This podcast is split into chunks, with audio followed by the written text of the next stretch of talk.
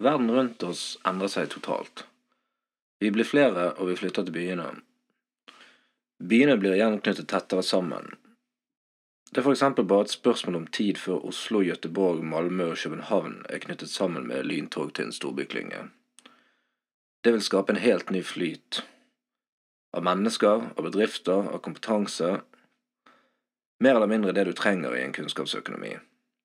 Og samtidig står vi kun ved starten av den digitale revolusjonen. Hva med Vestlandet oppi dette? Og med Vestlandet mener jeg området mellom kystlinjen og høyfjellet fra Sunnmøre til Egersund. Her har vi stort sett et råvarebasert næringsliv, eh, og vi har masse små byer, og vi har kronglete infrastruktur. Zoomer vi litt ut, så ser Vestlandet ut som en spredtbygd og ganske ensrettet region.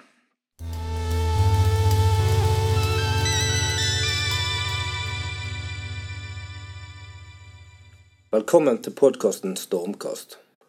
Vi som står bak, jobber i Bergens Tidende og Netlife Research, og sammen arrangerer vi en konferanse 18.2 i Grieghallen. Viktige samarbeidspartnere er PwC og BKK.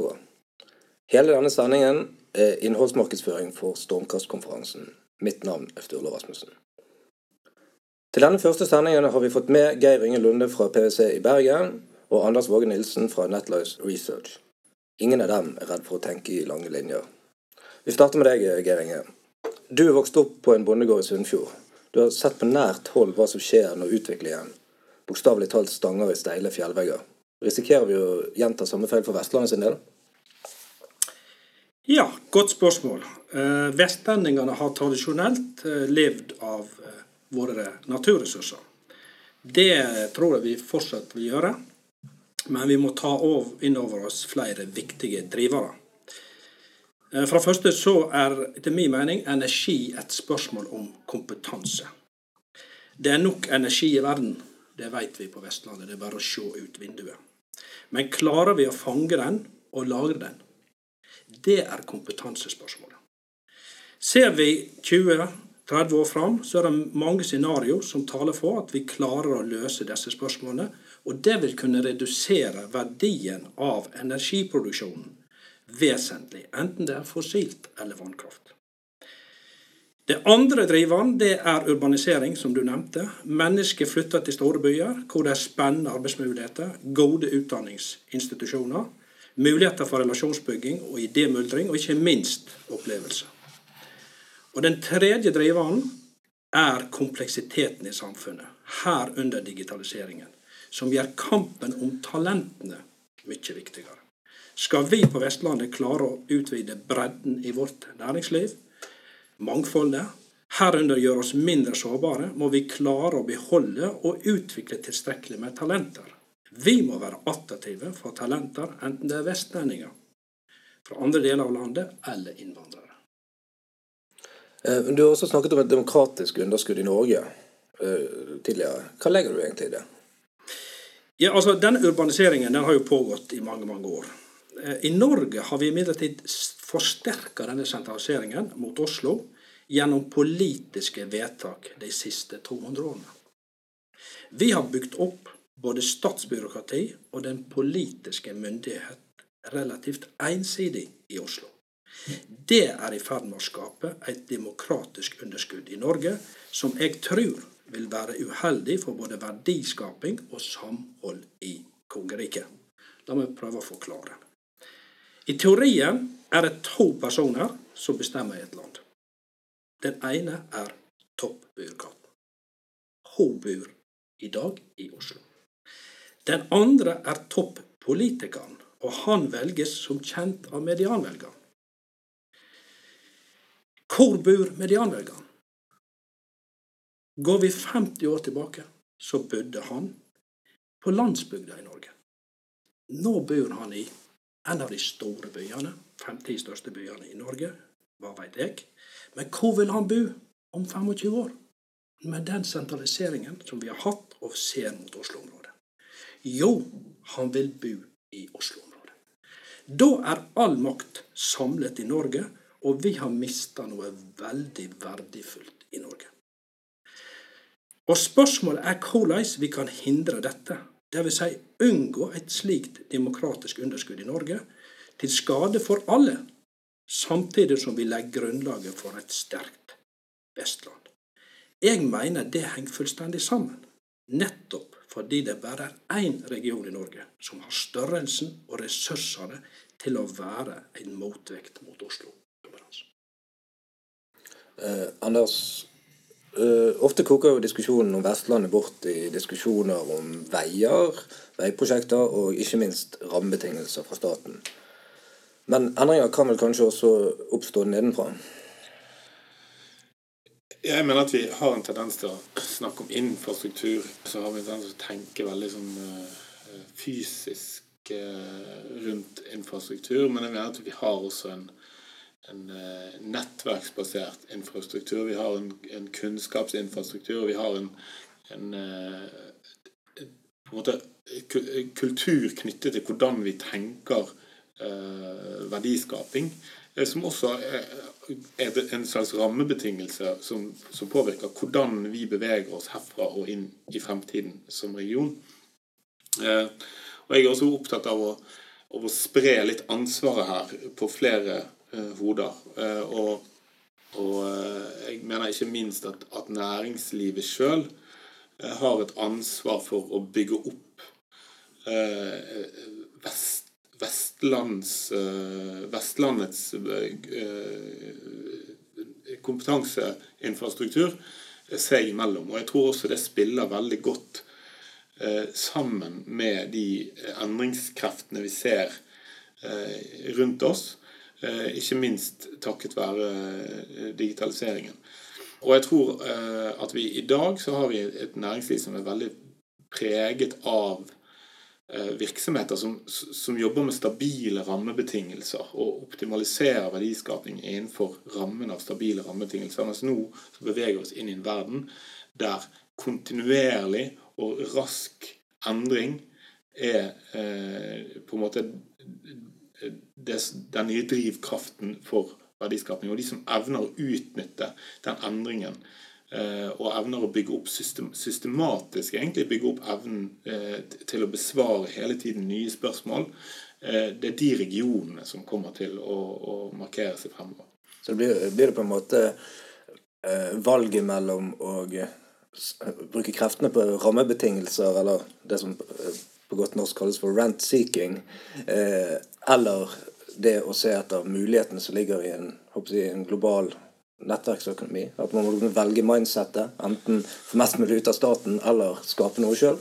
Det er klart Vi skal, vi skal jobbe sammen og, og, og systematisk rundt og, og, prege rammebetingelsene og infrastrukturinvestering i veier og baner og, en fiber og alt det som trengs for en moderne eh, eksportrettet eh, region.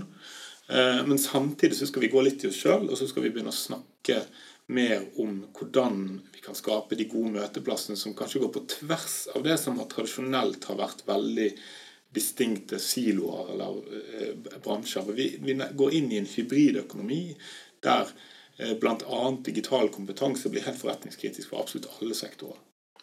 Men Hva tenker du at dette betyr for den enkelte leder? Altså Folk med håper jeg, høye eller middels lederjobber i næringslivet. Hva betyr dette sånn konkret for de?